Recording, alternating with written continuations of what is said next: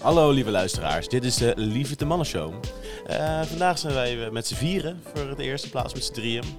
Uh, ik ben Raoul, ik ben hier samen met Krijn, Juri en natuurlijk Jacob, onze beste maat die ehm, een internationale betrekkingen master in Leiden doet. Uh, en ehm, met de uitbreiding, met de oorlog in Oekraïne is ook de NAVO aan het uitbreiden. Niet alleen Oekraïne voelt zich, voelt zich bedreigd door, door Rusland uh, in de oorlog, maar ook andere um, landen in Oost-Europa, Noordoost-Europa, die uh, richting um, Rusland grenzen, worden langzaam benauwd. In deze podcast gaan we de toetreding van Zweden en Finland tot de NAVO bespreken en kijken of dit een goed idee is of dat dit juist de spanningen zal vergroten. Ja, uh, ja, dankjewel voor het inleiden van het, van het onderwerp en het inleiden van de discussie van, de, van het onderwerp van deze podcast. Maar voordat we aan het grote hoofdstuk gaan beginnen, is het natuurlijk eerst tijd voor het opmerkelijk nieuws. Beste Krijn, ja, gooi maar weer in wat jij gevonden hebt. Het is weer in de buurt deze keer. Zeehond in de lek bij Nieuwegein. Uh, zeehond gespot in de lek bij Nieuwegein. En dan als quote in de titel: Niet de plek waar je het dier verwacht. Ja, briljante tekst. ja, nee, heel zielig eigenlijk. Maar, ja. Schoon maar heel sneu nieuws. Ja. Arm zeehondjes. Arm zeehondje, maar zeehondjes weer, verdwaald. Uh, hij is alweer uh, naar... Uh, een of andere naar Ecomare, naar de opvang gebracht. Maar nou, die, hij is niet doodgeknuppeld door een paar nieuwe geiners. Ja, of hij mag daar dan door naar een Spaans uh, zeepark of zo. Oh, oh, oh, oh Dat zijn uh, meer Russische praktijken. Nou, de, de, de, geliefde, de lieve Europeaan is ook geen uh, dierenvriend, hè? Maar laten we verder gaan over... Uh, we zitten toch in Europa. De uh, uitbreiding, de potentiële uitbreiding van de NAVO richting Finland en Zweden. Ja, dat is ook een framing, hè?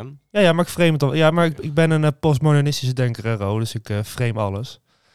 Maar... Toetreden van Finland en... Van Finland en Zweden. Niet de uitbreiding van de, NATO, dat is weer een, dat is weer een frame. Hè? Dat de NAVO uitbreidt. Nee, de NAVO breidt niet uit. Er komen nieuwe leden bij. Ja, oké, er komen nieuwe leden bij. Ze vinden het ook gewoon gezellig om onder onze eh, veiligheidsparaplu te vallen. en uh, we hebben daar ook een tegenstander uh, voor uitgenodigd voor deze podcast. De flamboyante Jacob. Uh, zei gisteravond dat hij erg een tegenstander was van dit, dit standpunt. Want ik ben namelijk een voorstander van de uitbreiding. Van het toetreden dat Zweden en Finland bij de NAVO komen. Ik juich dat toe. En Jacob niet. En, um, Zullen we eerst een je context uh, schetsen? Zullen we daarmee beginnen? Ik mag ik nog even een verbetering aanbrengen? Ik, uh, ik, ik hoorde dat ik internationale betrekkingen studeerde, maar ik studeer gewoon Europese Unie-studies. Dat wou ik nog even zeggen. Excuus Jacob. uh, ja, zullen we een stukje context schetsen van, van, de, van de situatie en ook laten zien wat in dit geval dan... Zul ik laten zien wat de... Um, proberen uit te schetsen wat de perspectief van Zweden en de NAVO is. Uh, Zweden, Finland en de NAVO. En dan kan Jacob verder uh, misschien een perspectief van Rusland uh, in deze situatie uit de doeken doen. Um, nou, allereerst, Zweden en Finland zijn beide niet bij de NAVO, zitten, zitten op dit moment niet bij de NAVO. Zweden heeft al een lang gekoesterde neutraliteit sinds 18, 1812. Dat ze de Eerste, Tweede Wereldoorlog en de Koude Oorlog in stand hebben gehouden. Een bewapende neutraliteit, maar wel zeker neutraal. Finland is, was lang onderdeel van het Russische Rijk tot 1918.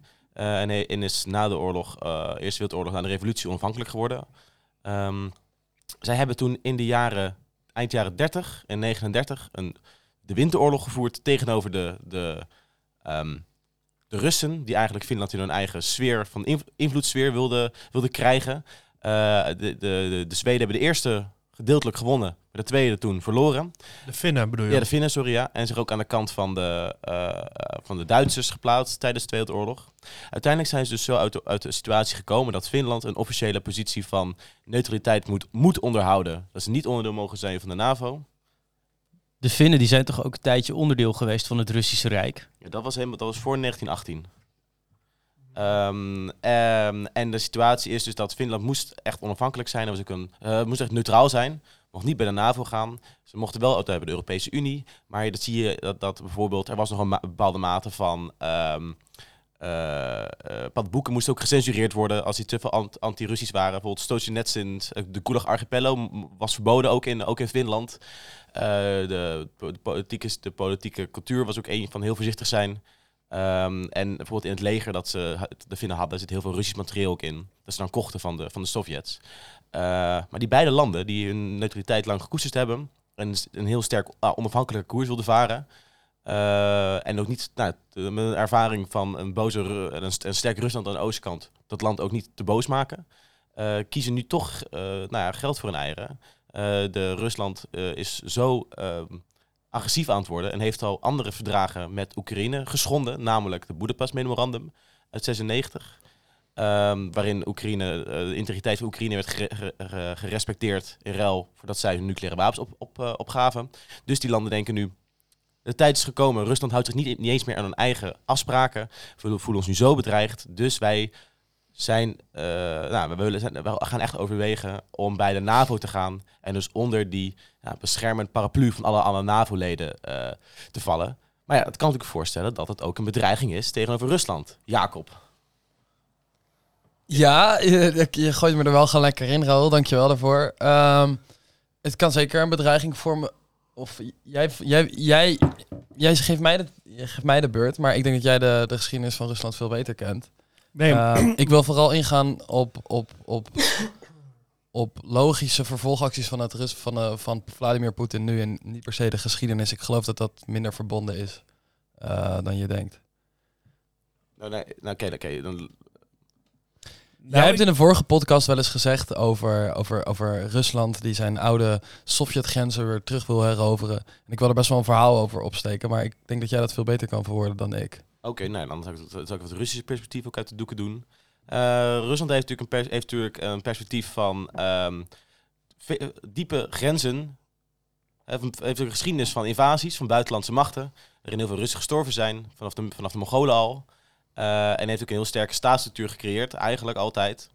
om, om, om, ehm, om, nou, buiten, om buitenlandse invasiemachten te kunnen afslaan. En een heel belangrijk aspect daarvan is de ontzettende strategische diepte die het land heeft. Lange, eh, heel grote diepte tussen het hartland, tussen Petersburg, Moskou en eventuele vijanden.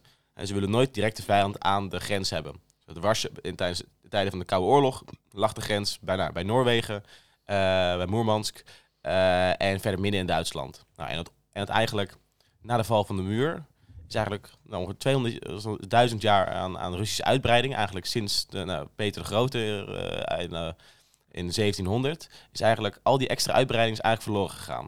Al die Oekraïne, Wit-Rusland, eh Baltische staten, ook Centraal-Azië.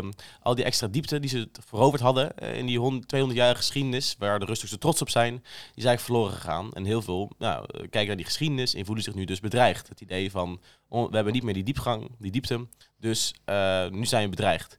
En ze zijn ook erg bedreigd, omdat dus die grens van de NAVO-beschermingsmacht eigenlijk naar hun toe trekt, uitbreid wordt richting het Russische hartland. En dat, die grens lag natuurlijk nu al bij de Baltische Staten heel dichtbij. Als ook Finland en, eh, en Zweden lid worden, dan hebben ze natuurlijk, nou, dan is eigenlijk de Baltische Zee. Daar kunnen de Russen niet meer, veil- niet meer vrij opkomen. Dus eigenlijk helemaal is een NAVO-zee geworden. En ze hebben gewoon nou, een paar duizend extra kilometers aan NAVO-grens erbij gekregen die ze moeten verdedigen. En wat denk ik ook heel belangrijk wordt voor de aansluiting van Finland is juist... ehm, Finland ligt hartstikke dicht bij Sint-Petersburg, de tweede stad van Rusland. En eigenlijk is dat juist... eh, nu is voor het gevoel van in, in, in Russisch blik, in de Russische blik juist het gevoel van alleen de zuidkant van Sint-Petersburg wordt bereid, be- eh, wordt bedreigd door de NAVO, door de NAVO-grens. Maar als je dan Finland ook nog erbij doet, is de noordkant van Finland, noordkant van Sint-Petersburg ook bedreigd door de NAVO. Door de NAVO. Of dan zo dat gevoel kan je krijgen. Ja. En Maar het is, het is een super onlogisch. Kijk, vanuit van ons perspectief is het een super onlogisch gevoel. Maar zij worden er heel erg bang van.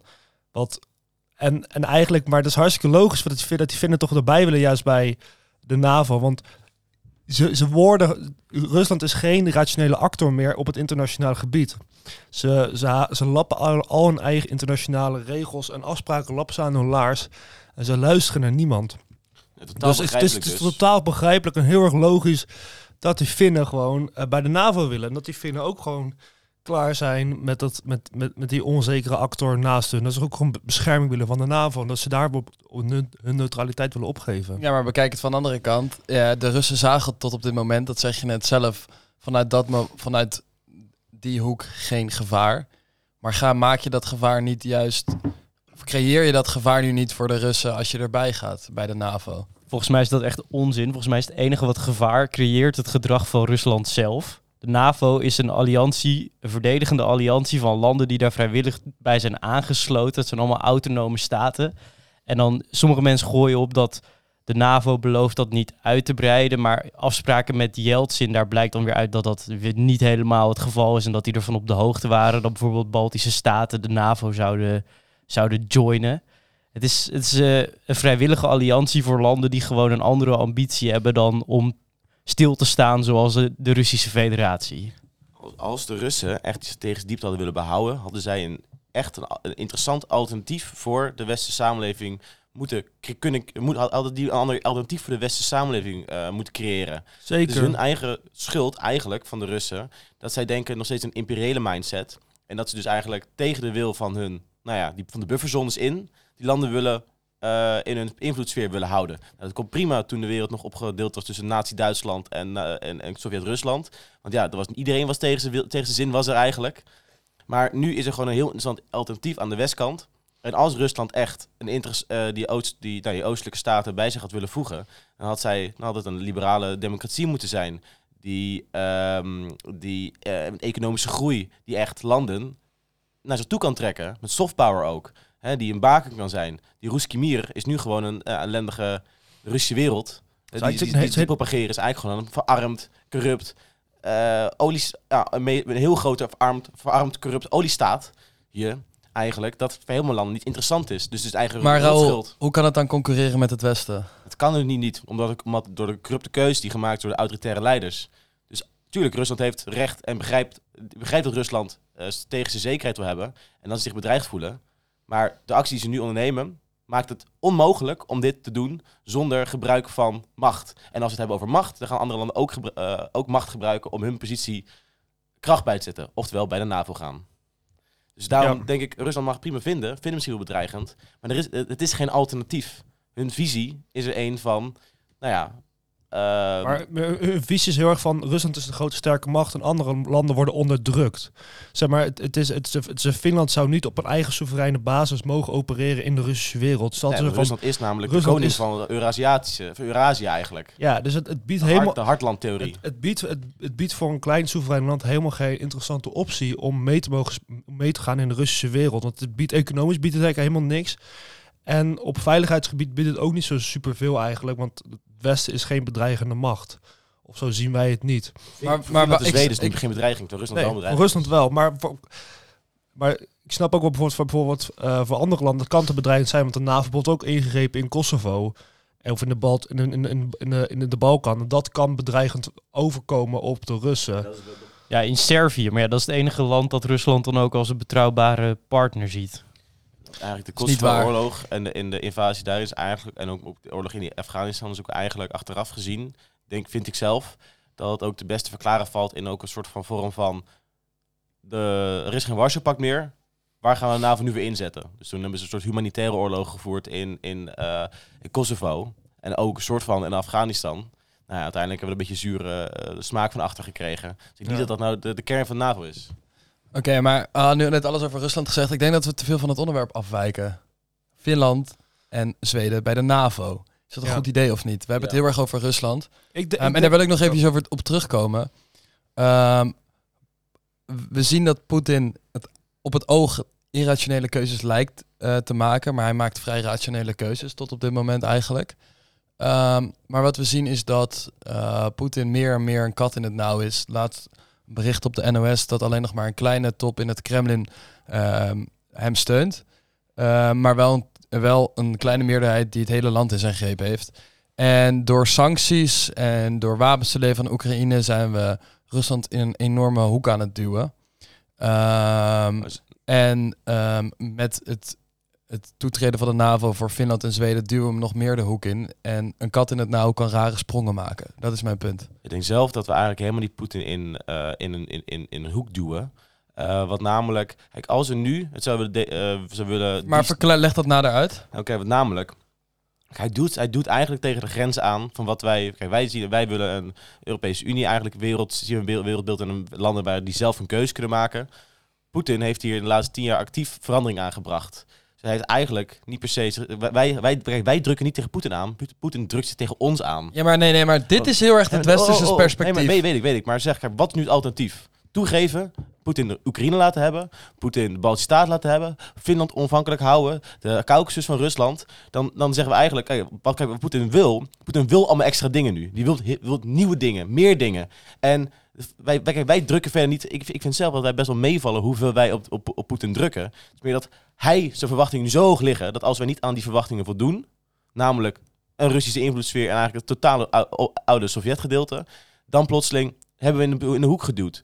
Ik vind zelf, die land, eh, het, is- een totaal onrealistische verwachting die Poetin heeft, die hij niet kan waarmaken, die zijn land niet kan betalen, die het leger niet kon ondersteunen, eh, met, met populaties die er maar geen zin in hebben. Zijn verwachting is inherent onre- onre- onrealistisch. Zelfs al geven wij toe, zeggen we prima, je mag Oekraïne hebben, alles, dan kan je het ook niet volhouden. Het is, hij, hij heeft onrealistische verwachting. Hij kan het niet. Hij, wat hij wilt, kan niet. Dus het is niet in, het een hoek te houden. Hij heeft eigenlijk zichzelf en misschien zijn bevolking onrealistische beloftes gedaan die hij nooit had kunnen waarmaken. En nu plotseling, ja, eh, werkt dat niet. En dan krijg je tegenstand van ons van die landen, want al die landen willen het ook helemaal niet. Eh, Oekraïne wil het niet. Wat hij, wat Poetin zijn eigen bevolking belooft. Is dan een hoek drijven? Nee, want hij, is- hij- het is zijn eigen schuld dat hij onrealistische verwachtingen heeft eh, gezet. Oké, oké, oké, dat, dat is zo, dat, dat, dat ontkent niemand. Maar wordt hij niet nu alsnog in een hoek gedreven? Hij heeft Nee, totaal gedreven. niet. Dat, Of maar- hij nou zichzelf in de hoek drijft, of dat andere mensen het doen. Ja, maar kunnen wij dus wat aan doen? Dat hij zich in dezelfde hoek drijft. Anders dan alleen maar toegeven op alles. Dat denk ik dus niet. Maar, dat, maar niemand zegt toegeven op alles. Er wordt hier op hem niemand toege, eh, toe- op hem toegegeven. We geven volgens mij op dit moment als Nederland en als bijna elk ander land materieel en geld aan Oekraïne om Rusland te bestrijden. Wat ik me afvraag is, kijk hoe dom en irrationeel en stom de keuzes van Poetin ook zijn geweest. Het is wel een land met kernwapens. En ehm, wat als Poetin straks daadwerkelijk een kernwapen gebruikt? Maar denk je dat toetreden van Zweden of Finland een, een druppel zou kunnen zijn die de emmer doet overlopen, dat hij Ja. daardoor naar kernwapens grijpt? maar, maar wat gaat hij dan een kernwa- ga- gaat hij dan kernwapens tegen Zweden of Finland uit, uit- aanzetten? Of tegen de heel de NAVO gaat hij gebruiken dan? Weten we niet. Dat weet ik niet. Dat weet ik niet. Nee, dat, ik, ik kan wel van alles zeggen, maar dat, dat slaat nergens op. Maar, ik Maar- denk, het is ook van belangrijk dat een, dat een soeverein land zelf een keuze mag maken wat het wil. En daarom moeten wij toch niet als een NAVO zeggen van nee, jullie mogen niet erbij, om anders maken we Poetin bang. Dat gaan we ook niet zeggen, maar ik, waar, waar, ik, waar, ik denk, waar ik in deze discussie mee inging, is denk dat ik dat, ehm, dat een Finland en een Zweden en eigenlijk ook een Oostenrijk moeten nadenken of ze dat wel willen. Maar je zegt toch dat Poetin nog rationeel is? Als hij een rationele actor is, dan zou hij pas naar kernwapens grijpen wanneer een ander land kernwapens ook zou gebruiken. Nee, dat hoeft helemaal niet. maar dat, nou ja, dat, of- dat ligt niet in de Russische doctrine, militaire Ja, doctrine. maar Het is dat, dat vind ik dus waar we, waar we, wat het gevaar van deze discussie is. Wij, ehm, wij zitten alles te redeneren uit wat er is gebeurd in het verleden. En, eh, maar Rusland heeft, is sinds de, de Sovjet-Unie eigenlijk sinds, sinds, sinds de revolutie nooit zo in het nauw gebracht als dat het nu is. En ik had in het nauw, ik blijf erbij, dat kan is rare zeker- sprongen ja, maken. Ik ben nog steeds zeker, overtuigd dat zeker. En we moeten niet de dreiging van een nucleaire oorlog uitsluiten. Ik vind dat Poetin Nee, zichzelf... en dat wordt, dat wordt door, door, door veel mensen uitgesluiten. En ik wil dat Poetin daar... zichzelf in het nauw geredeneerd heeft, inderdaad. En Maar- het kan, en je, hebt gelijk, je hebt gelijk. Ik denk, Poetin is in het nauw. eh, heeft onzekerheid, heeft, heeft zelf... Heeft, kijk, heeft- prima.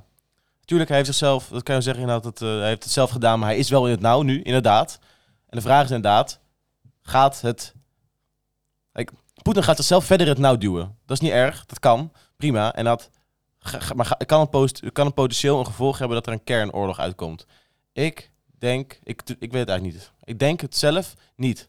Want dan gaan we vanuit dat hij totaal onra- on- onrationeel is. Dat denk ik niet. Ik denk dat hij een aantal aannames heeft gemaakt die onlogisch zijn. Een aantal eh, eh, operationele eh, fouten heeft gemaakt. Maar niet per se dat die kerel zelf zo gek is dat hij de eind van de, van de hele wereld eh, het waard vindt. Omdat het even niet gelukt is, zeg maar. Bedoel, eh, ik ben, kijk nou ook Poetins redenatie over waarom die de Oekraïners moeten binnenvallen. Dat is helemaal doordrenkt met het idee van geschiedenis, met het idee van een groot Rusland, met een rijk dat tien, dat, honderd, dat, duizend, dat duizend jaar bestaat, met een christelijke natie en een soort idee van hoe de wereld eruit gaat zien. Kijk, dat is niet iets dat je dan in, ah, oh, dan geef ik het maar op. Als het nu niet lukt, hè, deze ene poging van het grote Rusland, wat, wat volgens Poetin een, een, een, een, een, natie is en een concept is dat eigenlijk voor eeuwig, dat eeuwig duurt, een eeuwig recht heeft om te bestaan als dan de, e- deze ene poging om het weer groot te maken, als dat niet lukt, lijkt mij niet dat Poetin dan maar zegt, hè, juist met die kennis van geschiedenis en het idee dat dit dan zo'n lange termijn project is. Nou, deze vijf is niet gelukt, dan maar een ei van de wereld. Dat lijkt me ook niet. Maar dat vind ik dus ook weer. Dit is, dit is gebaseerd op, je, op een theorie, de mu- Ja. mutual assured destruction. En ehm, we zitten nu gewoon oprecht in een crisissituatie. En Geli- leuk. Gelimiteerde nucleaire oorlog tegenover, tegenover Oekraïne bijvoorbeeld. Als Poetin gaat dreigen met een nucleaire bom op Kiev, als Kiev niet aan de eis van Rusland zal doen. Is dat misschien een interessante casus? Ook. Maar wat stel Rusland gooit een bom op, weet ik veel, Polen. Ja. Gaan wij als dan NAVO we daadwerkelijk? Ja, gaan dan wij? wel, ja, ja, Dan dan wel. En wat gaan we dan doen? Gaan we dan alleen maar al- gaan we alle bommen terugsturen? Ik denk dat, dat het in theorie dat dit echt een heel goed plan is. Maar dat is het eenmaal gebeurd. Ik denk dat er sowieso een aantal bommen teruggaan. Ik denk nog niet alles meteen. Ja, maar maar- sowieso wordt een aantal militaire dingen worden een, een nucleaire bom. En op een middelkleine stad gooi je een bom, denk ik dan. Ja, maar dan weet je natuurlijk dat, kijk, dat is escalatie. En dat trekken alle militaire theoretici zijn natuurlijk overtuigd en die weten hoe het werkt. Hè, Als een gelimiteerde nucleaire oorlog resulteert altijd tussen, tussen nucleaire machten, resulteert Mhm. altijd in een totale nucleaire oorlog. Hè, dat is gewoon hoe je op reactie op reactie, reactie op reactie op reageert. Dus ik, een, oor, een- kijk, een atoombom op NAVO-gebied, dat zie je dus niet gebeuren. Maar inderdaad, een atoombom of een dreigement op een atoombom op Kiev, dat is eigenlijk interessanter, zeg maar van, of jullie worden nu een Russische vazalstaat, Mhm. of we bombarderen al jullie steden kapot. Nou, vraag, wat, wat, wat is de gameplan daarnaast? Prima, dan, dan geeft de Oekraïnse leger zich op. En dan wordt het een guerrilla. Want dan is het officieel is het dan wel, hè, dan moet hij, moet hij ve- 40 miljoen man gaan zuiveren. Met een populatie die maar drie keer zo groot is. Van de helft ook etnische minderheden is. Dat gaat hem ook allemaal niet lukken, zeg maar. Er is ook geen gameplan. Maar nucleaire wapens gewoon niks oplossen voor Poetin in deze situatie. Ook al gaat hij ermee dreigen. Maar ik vind het wel leuk, dat escalatie wat je noemt. Zit- Zitten we niet al op die escalatieladder eh, met dit hele conflict en met eh, Oekraïne? Oh, ja, Of, eh, zeker. ik bedoel, Finland en Zweden die dat de NAVO aan het Tuurlijk. zijn. Voor, voor hem wordt het natuurlijk weer een, een, een verdere stap in een verdere stap en een verdere trap in zijn gezicht. Dat kan natuurlijk wel zo voelen. Want Het zijn, het zijn jarenlange vrienden geweest, een bond. Nou, vrienden, het is in ieder geval een soort van non-agressiepak. een ja, soort zeker, bondgenoten. zeker. En, en, het, en het, het grote manifest van Poetin van december was ook: de NAVO mag niet meer uitbreiden dan zijn huidige vorm. Eigenlijk is dat de reden En- waarom hij de oorlog En, voert. en dat was ook de reden om oorlog te voeren. Want er, wa- er was natuurlijk een gevoel dat Oekraïne bij de NAVO zou komen. En dit moest en zou houden hij voorkomen met deze invasie. En eigenlijk is nu zo'n grote tik in zijn... Zo'n grote nederlaag wordt dit. Of zo'n grote verliezende slag. Dat juist twee andere landen die eigenlijk heel erg neutraal bleven heel lang... nu in één keer wel bij de NAVO willen. Ja, en wat tussen Raoul zegt klopt ook helemaal. Poetin is zichzelf in een hoek aan het duwen. Ja, Maar hij is nog steeds in een hoek aan het duwen. En de vraag is, volgens conventionele regels, theorieën, zou er geen, confl- geen conflict gaan plaatsvinden ik met denk- nucleair niveau. Maar we moet, ik denk dat het heel erg belangrijk is om dit zeg maar wel in je hoofd te houden. ja Dat zeker. dit Maar, kan gebeuren. En dan, maar ik, ik, ik denk zelf...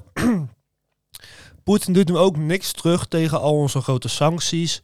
en al onze, al onze acties met wapenleveranties. Doet hij eigenlijk niet heel veel grote acties wat terug. kan hij doen? Wat kan hij doen? Ja, hij, hij kan zeg maar al die leveranties, eh, als ze net, als ze net de Oekraïnse grens overgaan, kan hij ze allemaal kapot schieten. Maar dat doet hij. Dat doet nee, hij. Jawel. Nee. Hij, heeft, hij, heeft, hij, heeft een, hij heeft een... Waar eh, Europese vrijwilligers heeft hij gebombardeerd. ja, hij heeft, Hij heeft ook hij heeft meerdere- één- Hij heeft één militaire basis in Lviv heeft hij gebombardeerd. Ja, Slowakije heeft een Patriot-systeem geleverd aan Oekraïne. Nee, nee, dat dat- is gelijk kapot gemaakt. nee, nee, nee, die, die Dat bestaat. is- Die staat, Dat is niet bevestigd. dat is niet bevestigd. Die staat bij de Dnipro nu. Die, die is doorgegaan. Die, die is nep. Die, die, is, die is gewoon... Ze, ze wisten precies waar hij was, maar ze durfden, ze konden het of durfden het gewoon niet aan te vallen. Het is niet aangevallen. Die, die, die, dat Oké, is dat ook is- het dat is systeem van Slowakije. En dus daarom denk ik, stel komende zomer is dan die grote NAVO-top en Finland en Zweden gaan er dan bij. Wat wilt hij dan gaan doen tegen die twee landen? Want het is ook dat ze, ze hebben allebei een redelijk sterk leger. Het is, het is echt niet dat ze tegen een verzwakt land moeten gaan vechten als de, als de Russen. Dus het wordt gelijk een hele ongezellige, grimmige oorlog. En natuurlijk alle andere eh, fronten die Rusland heeft. Eh, Zij het China, zij het inderdaad de, de grens met, met Finland. Maar ook bij, de, Kau- bij, de, bij het Caucasusgebergte. Heeft u ontzettend veel troepen en kracht moeten afnemen. Moeten eh, re- herdirigeren naar de Oekraïnse eh, En- grens voor het conflict. En zelfs Oekraïne kon daar niet twee... ehm, of eh, niet eens drie fronten onderhouden. Hè, het front in Kiev, dat was hij eigenlijk, kon hij er niet de troepen voor. Maar precies, eh, dit is Dus precies het punt dat ik probeer te maken. Dit is precies het punt dat ik maak. Jullie denken te veel in conventionele oorlogsvoering en houden de optie op een nucleaire Wat is- aanval van Poetin niet maar wat- mogelijk. maar en wat, dat ik, ja, wat is Poetins plan met een nucleaire eh, bom? Zeg, um, kijk, wat zou Poetins plan zijn met een nucleaire bom? En wat zou zijn reactie, verwachting zijn op onze reactie? Hoe zouden wij moeten dan... Ah, kijk, Poetin gaat dreigen met nucleaire wapens. Eén, hoe? Twee, hoe denkt Poetin dat wij dan gaan reageren... zodat het een situatie creëert dat het voor hem positief is? Ehm, jij, je denkt weer te veel in hele in conventionele oorlogsvoering. Als wij Poetin maar ver genoeg in het nauw eh, duwen en het, het land heeft geen toekomst eh, door de economische sancties. Het kan geen gas, het kan geen olie, het kan geen kolen meer leveren binnen een jaar tijd. Dan heeft het op een gegeven moment geen perspectief meer en dan heb je niet zoveel te verliezen meer. Ik denk dat het dus niet. Maar- Ik denk maar- dat- maar dan- maar ga je- maar dan- maar dan zeg is eigenlijk- Nee, dan niet zo nihilistisch zijn. Maar dan, maar dan ga je eigenlijk als land zelfmoord plegen dan, is dan het hele ding. Nee.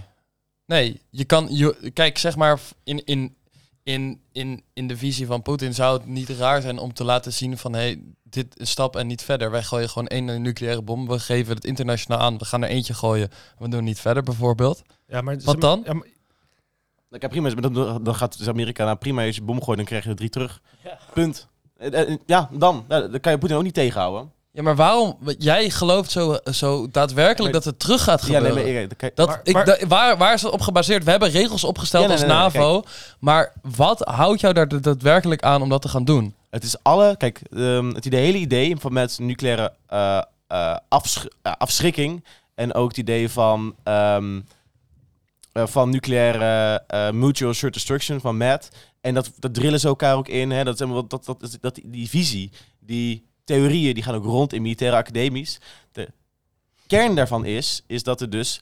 Er is geen mi- limit- gelimiteerde nucleaire oorlog mogelijk. Het is altijd alles. En dat moet je ook 100% zelf geloven. Als je land aangevallen wordt met kernwapens, kan je en mag je niet nee zeggen. Het je moet altijd reageren, want namelijk anders werkt het niet. En anders kan, dan, dan, zijn dus, dan, dan kan je dus nog militair nucleaire wapens gebruiken. Je moet alles reageren. Maar ook, ding is, de, een groot deel van hoe oorlogen werken en ook legers werken, is niet per se gebaseerd op de keuze van één persoon, maar het is een soort van automatische draaiboeken die er in, sta- die er in plaats zijn. Het moment dat er iets gebeurt, een nucleaire bom bijvoorbeeld, dan gaan allemaal draaiboeken komen er in werking. En waarop de reactie moet zijn een andere eh, ja, eh, eh, een nucleaire bom terug. Kijk, als Poetin één nucleaire bom gooit op NAVO, komt er sowieso, ook omdat, poli- omdat er dan publiek outcry is van we moeten revenge hebben. Er komt een bom terug. Nou, en dan gaat Rusland nog een bom gooien. En dan gooien wij een bom terug. En Ja. uiteindelijk heb je alsnog nucleaire oorlog. Dit is allemaal theorie. Dit is Ja, toekomst voorspellen. Dat, Ja, maar, ook- ik vind dat gewoon niet Jij zo hebt sterk. net zo goed een theorie die zegt van, oh, als er een bom gegooid op ons, doen wij niks terug. Nee, Wat is nee, jouw nee, nee, nee, nee, maar la- laten we eerst, maar laten we eerst even de casus van Jacob iets verder uitwerken. Nee, laten we dat niet doen. Jawel, laten we dat wel doen. Want de, als, er dus, als hij dus een bom gooit en er is geen reactie, dan kan hij dus consequentieloos een atoombom gooien. Dan gooit hij er nog één. Maar laten we dat niet doen. Laten we dat niet doen. Wat ik zeg is dat wij als het Westen, wij zijn zo vertrouwd in onze theorieën. En dat is Raoul het ultieme voorbeeld van. Dat in alle scholen dit wordt, dat dit wordt uitgedragen, alle militaire scholen. Maar wat als de praktijk, no plan survives the battlefield? Ja, ja, ja. Waarom? Wie, wie, wie, zegt, wie zegt dat dit moet in uitvoering moet gaan komen? Dit gaat niet gebeuren. We moeten er gewoon, wat ik zeg, dat is deze hele discussie. Het is niet wat als, wat gaan we doen als. Ik zeg, we moeten het überhaupt voorkomen dat we in die situatie komen. En dus het is, ver- het, het is verantwoordelijk om Rusland zo min mogelijk in het hoekje te, te duwen met zinloze. eh, Maar wat is de oplossing dan voor, voor een situatie dat Rusland niet in een hoekje gedreven wordt? Wat zou, je, wat, wat zou dan een betere koers van actie zijn eh, als je jouw aannames... geen actie. eh, en dan zo Ge- we, laat, we gaan nu vallen. door met. nee. We hebben, het nu, we hebben het over het toetreden van Finland en Zweden tot de NAVO. Ik denk dat het voor die landen geen enkel voordeel biedt dan wat ze het nu hebben. En ik geloof dat je daar alleen maar een verkeerssignaal naar Rusland eh, mee kan geven. En eventueel naar meerdere escalatiestappen een nucleaire oorlog mee kan ontketenen. En dat deze toetreding een nog hogere stap is op die escalatieladder. En dat we moeten nadenken of we die stap willen nemen. En wij als NAVO gaan er niet over, Nee, want je- iedereen mag, je- er, iedereen mag erbij. Mag, kijken, mag ik eventjes, mag ik het even afmaken? Sorry. Ehm, en ik denk gewoon, ehm, nou, ik ben, ik ben mijn punt kwijt. Ga maar. Wij zitten niet zeggen van, oh, hè, eh, Poetin eh, wij dreven Poetin in een hoek. Maar Poetin redeneert ook, drijven wij niet het Westen in een hoek? Je moet ook terugkijken, wij worden ook in een hoek gedreven. Zweden Ja. en Finland Nou. worden ook in een hoek gedreven. Kijk, en kijk, wij gaan ervan uit, oh, we moeten Poetin niet te veel eh, triggeren, want eh, anders gaat het escaleren. Poetin hoort er dus ook van uit te gaan dat als wij een hoek gedreven worden, dat wij stri- getriggerd worden. Dit is zeg maar een subtiele manier om acties te limiteren van andere staten. Dat, dat, je, dat, dat die andere staten kunnen verwachten dat wij reageren op een manier dat als zij onze buttons pushen, dat wij ook escaleren, ook in een, druk, ook in een hoek gedrukt worden. Als Poetin aan de grenzen van vrije landen van West-Europa aan het kloot is, worden wij ook in een hoek gedrukt. Namelijk, wij moeten ze ook gaan bewapenen. We moeten ook eh, zorgen dat landen die graag lid van ons willen worden, dat die ook bij komen. Dat wij ook samen sterk staan. Kijk, wij worden ook in een hoek gedrukt. En het werkt, Ja. en, die logica van druk elkaar niet in de hoek, dat is niks aan de hand. Die moet dus gedeeld worden van beide kanten. Dat er aan beide kanten niemand in de hoek gedrukt wordt. Maar ja, wat Poetin nu doet, die drukt nu, die heeft gewoon met de inval van, van Oekraïne, heeft hij gewoon de grootste duw gegeven in jaren. Veel groter nog dan een langzame uitbreiding van de NAVO. Wat namelijk, fucking eh Baltische Staten, als Poetin een super eh, welvarend leuk land geworden was, dan had hij al, die landen gewoon een pro-Russische regering kunnen hebben. Hadden ze uit de NAVO kunnen stappen en bij het leuke pro-Russische superblok kunnen gaan. En er is niks, als je bij de NAVO zit, is niet het einde der wereld. Hè? Het is niet dat het vast is. Nee, nee, het is, tijdelijk. Het, is een optie. Je kan erbij, je kan er weer uit. Maar, zeg maar, door, doordat Poetin de oorlog in Oekraïne gestart is, dwingt hij ons wel tot een keuze te maken. Wij moeten wel iets met de gevolgen van die oorlog. Zeg maar, Poetin is... dat doen we toch ook? Wat, wat zijn al die wapenleveringen aan Oekraïne dan? Ja, maar kijk, maar die wapenleveringen en die sancties die we instellen, dat is natuurlijk een- dat is weer een reactie op dat die binnenval is. Maar Poetin kan ook weer een reactie hebben op die acties die wij ondernemen om Oekraïne te helpen. Dus wij, dus, dus die stap die gaat altijd weer een stap hoger op de escalatieladder. Ja, en precies En het dat. blijft maar gaan. mag ik daarop inhaken? Precies dat is dat wij als Westen juist die angel uit, eh, uit, uit de armen. Ik weet niet, ik weet de uitspraak even niet. Maar juist die angel uit het ding moeten halen. ehm, omdat een, een, een toetreden van een Finland en een Zweden, wat niet heel veel, voor mijn gevoel niet heel veel gaat uitmaken, maar alleen maar nog een grotere stap op de escalatieladder, zeg ik. Doe dat niet. Ja, maar als, hoe- als Finland en Zweden zijnde. Maar, maar, maar, maar kijk, maar we, we zijn nu opbouwend op die ladder zijn we bezig. Ja.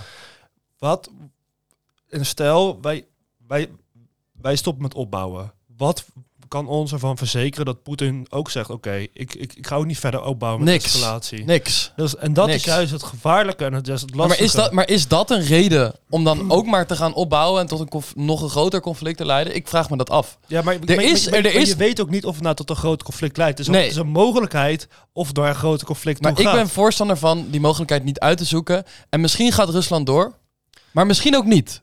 Ja, en die mogelijkheid is denk ik belangrijker dan uit dan mee escaleren. Je kan altijd, als, als, als, als Poetin blijkt dat hij verder gaat, kan je altijd weer compenseren. Je kan, dit, je, kan het, je kan het proberen de angel eruit uit de zaak te De halen. beste oplossing om alles echt stil te maken is dus om echt aan beide kanten de boel hoog op te laten drijven. Dat Ja, dus dan krijg je gewoon weer de Koude Oorlog. Ja, en wat namelijk, Ja. en, en dat beide uiteindelijk beide kanten denken van, oh shit, deze situatie is super kut. We trekken de, steek, dus de angel eruit. Kijken we naar de Cuba-crisis. Hè? Enerzijds Amerika had kernwapens geplaatst in, eh, in Turkije, die Rusland bedreigde. En dat resultaat daarop had Rusland had de kernwapens in Cuba geplaatst. Nou ja, beide kanten kwamen dus erachter dat ze elkaar helemaal kapot, helemaal op aan het hypen waren. Te veel onder druk aan het zetten waren. Nou, uiteindelijk hebben ze beide dus concessies gedaan. eh, en ook eigenlijk tot rationele beslissingen gekomen. Maar voor hetzelfde geld had eh, conflict enorm geëscaleerd. Ja. Zeker. En ik denk, wat ik probeer te zeggen, is deze stap, als ze die niet nemen, als wij misschien Finland en Zweden kunnen aanmoedigen, of in ieder geval dat ze dit zelf besluiten, hoeven we niet eens tot, die, tot dat, dat, dat escalatiepunt te komen dat ze denken van oké, het is nu of totale vernietiging of we kappen ermee. Kunnen we dat punt niet beter gewoon... Maak het nou eigenlijk voor verschil. Ik bedoel, namelijk, eh, het moment namelijk dat Rusland Finland aanvalt, dan moet onder artikel weet ik wel, 5 of 25 Ja, of zo van de Europese Unie, Oh nee, dat is... Europese eh, verdrag, moet ook, moeten we ook, van, van best artikel ja, 48. moeten wij Finland als Europese Unie hebben we ook een, eh, Ja. hebben we ook een eigen verdedigingslinie. dus eigenlijk, de praktijk verandert er niks. Eén wat die verandert is, als er, een, als er dan eh, met de NAVO komt, dat niet alleen maar alle Europese landen, Maar ook ook Amerika. Amerika er één keer bij komt. Terwijl in de praktijk, als Finland aangevallen wordt, nou ja, dan, eh, dan zijn de Europese oor- landen ook een Ja, maar als het, hun. voor, als het voor Poetin wel zoveel aan, aan, aan Maar zo- nee. zeg maar betekent, en dat geeft hij ook aan in zijn speeches, dat is de hele reden waarom hij Poetin een conflict is gestart. Waarom, waarom, waarom dan die stap maken als, het, als ze toch al in een, in een, in een defensieverdrag zitten met Ja, maar ons? we zitten toch ook al een soort van in een proxyoorlog met Poetin nu, als het Westen zijnde. Ja, maar waarom dat En groter waarom- maken? Maar waarom is het ook niet interessant om mensen een, soort van een, het is een diplomatieke slag terugslaan? Zonder in een, in een met hem gevecht te Ja, komen. maar want ik we me dus... maken gewoon even duidelijk aan Poetin. Jij kan niet zomaar aan soevereine staten komen. Als jij, als jij gaat sollen met een paar soevereine staten. Waarom moeten we dat dan duidelijk maken en hem kunnen we daar niet boven staan? Waarom kunnen we daar niet boven staan? Want Poetin is ook, omdat, om- om- omdat we dus niet boven Poetin staan. We- kijk, we spelen, kijk, Poetin, kijk, weet ik, we zijn een sterkere economie, grote populatie, grote leger, eigenlijk alles. Eigenlijk, eh, eh, in Rusland is eigenlijk maar gewoon een, een, een, pa- een paranoia derde wereldland. Maar waarom een mogelijke reactie uitlokken met een nieuwe toetreding tot de NAVO? Waarom dan? Als we dat toch allemaal zijn, dan hoeft dat toch niet? Dan hoeft dat toch niet? hebben wij hier een te statement maken? maken en Kunnen we, hier, kunnen we die daar Je, überhaupt wel je, tegen je, zitten? moet, je moet hem Maar- weer terug zijn hok krijgen. Maar, gaat, dat, maar dat, dat weten jullie al, dat kunnen jullie alle drie beamen. Dit gaat Poetin niet in zijn hok krijgen. Als eh, Finland en Zweden bij de NAVO gaan. Die niet, Finland, echt niet meer Finland aanvallen. Maar was hij dat, nu- dat was hij nu ook niet van plan. Ja. Je weet, ja, dat, je weet het niet, hè? Misschien, Maar wat? Ja, Je nou, kan ook, nou, kijk, eh, in, in de afgelopen vijf jaar, je hebt in dat, dat Karelia, dat noordelijke stuk van Rusland Ja, ja, aan de grens, afgelopen vijf jaar zijn er eh, eh, vijf, eh, militaire, vier, vijf militaire bases helemaal opgerenoveerd en flink uitgebreid. Je, je, je kan het zien op satellietbeelden. Er zijn, er is veel meer militair activiteit, activiteiten rondom de grens bij Finland. Is gewoon aanwezig. Je ziet het op satellietbeelden. Ja, prima. En jongens, Dus daarom kan je wel zien. Kijk, je, je- je- je zag bij Oekraïne, er was ook een hele grote troepopbouw. Toen kwam er een spanning en er is toch oorlog gekomen. En je ziet ook een sluimerende troepopbouw bij Finland. Dus als, Nou, Nou, nou, kijk, maar- er is troepenopbouw, maar het sluimerende, je bent, jullie zijn het heel goed in het framen van, van bepaalde situaties. Laat ze lekker troepen opbouwen daar. Ja, we zijn wel anders gaan denken hierover, toch? Ik bedoel, ik Maar- weet nog heel goed, toen 24 janu- eh, februari, toen we de eh oorlog aflevering maakten over of er oorlog zou komen in Oekraïne. Toen dachten we allemaal nog, ja, gaat Ho, ho. nooit gebeuren. Ho, ho, laten we daar ook inderdaad... dat is misschien een goed reflectiepunt. De enige die toen de oorlog had voorspeld was ik. Nee, Tijdens die podcast, Nee, ik, heb, ik heb teruggeluisterd. Ja, Nee, Oh, voor mij zei jij nee. het Nee, je zei, nee, je dat er geen volledige oorlog zou komen. Je zei dat er een gelimiteerde oorlog zou zijn in het Ja, oosten. Een gelimiteerd offensief. Ja, maar jullie, via- zeiden dat het, jullie zeiden dat het, er, dat het conflict er überhaupt niet zou komen. Ik zei, nee, ik zei, dacht dat, dat, dat via de proxyoorlogen, die zou, zou verder intensiveren. Jij, Ja. jij zei ook niet dat er een volledige grondinvasie zou zijn. Ik zei dat er wel een invasie zou komen Ja, van Oekraïne. je- Ik zoek het even op, hoor. Jij had gezegd, ze gaan hun huidige positie, ze gaan één groot offensief in de Donbass gaan ze doen. Dat van mij was dat jouw punt uiteindelijk. Ja, ja. Maar uiteindelijk is het veel groter geworden dan alleen de Donbass. Hij heeft, ook- hij heeft geprobeerd Kiev te omsingelen. Hij heeft hele grote stukken land proberen te pakken. Het is een veel grotere invasie geworden. Zeker, maar ik bedoel, maar, maar oké, maar oké, jullie kunnen, maar ik zat er dichtbij. Ja, en waar zitten ze nu?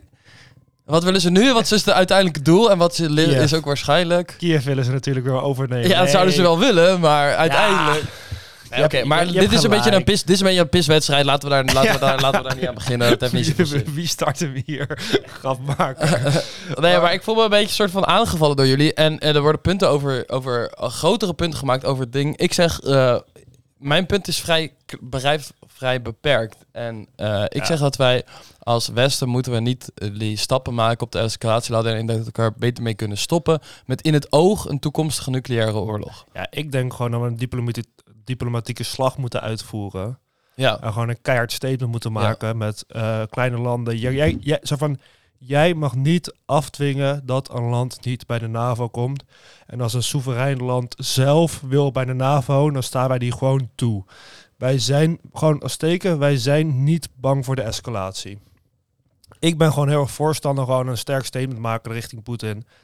En ik zou ook wel, ik vind dat je Zweden en Fi- en Finland zijn echt hartstikke, West, hartstikke Europese landen. En ik vind juist, die moet je vooral voor beschermen. En daarom vind ik ook het belangrijk dat ze, als, als zij zelf willen bij de NAVO, dan ben ik wel bereid daar als Nederland, dat Nederland die landen moet, moet gaan beschermen. ja, tuurlijk. En als ze dat graag zelf willen, dan moeten ze dat dat, ook, willen. dan moeten ze dat doen. Eh, dat is volledig hun recht. Maar ehm, ik hoop dat die landen... Ik hoop dat die landen misschien nog wel twee keer nadenken voordat... eh, Ja, maar dat vind ik juist heel interessant. Bijvoorbeeld de Zweden, die zijn juist meer twijfelachtiger. Terwijl die minder aan de grens direct zitten. Die, omdat ze juist met hun neutraliteit altijd zitten. Maar de Finnen, die, daar zie je nu duidelijk in Finland zie je nu echt 60% van de Finnen is nu overtuigd wij moeten bij de NAVO.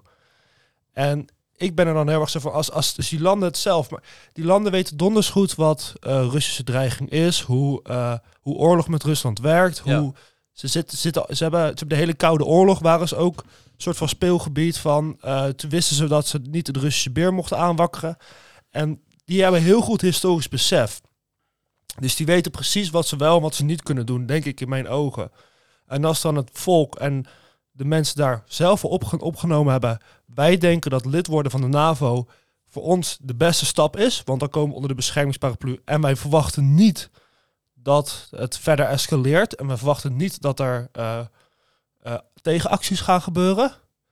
Dan zeg ik, als, als, als zij er al van overtuigd zijn, dan kunnen wij prima wel mee in dat beeld en dan kunnen we ze prima verwelkomen, denk ik. Ja, en ik denk dat wij ook niet ja of nee mogen zeggen. Ik denk Nee. dat als zij aan volwaarde voldoen, dan mogen ze toetreden. Mhm. Dat is denk ik gewoon, dat moet voorop staan.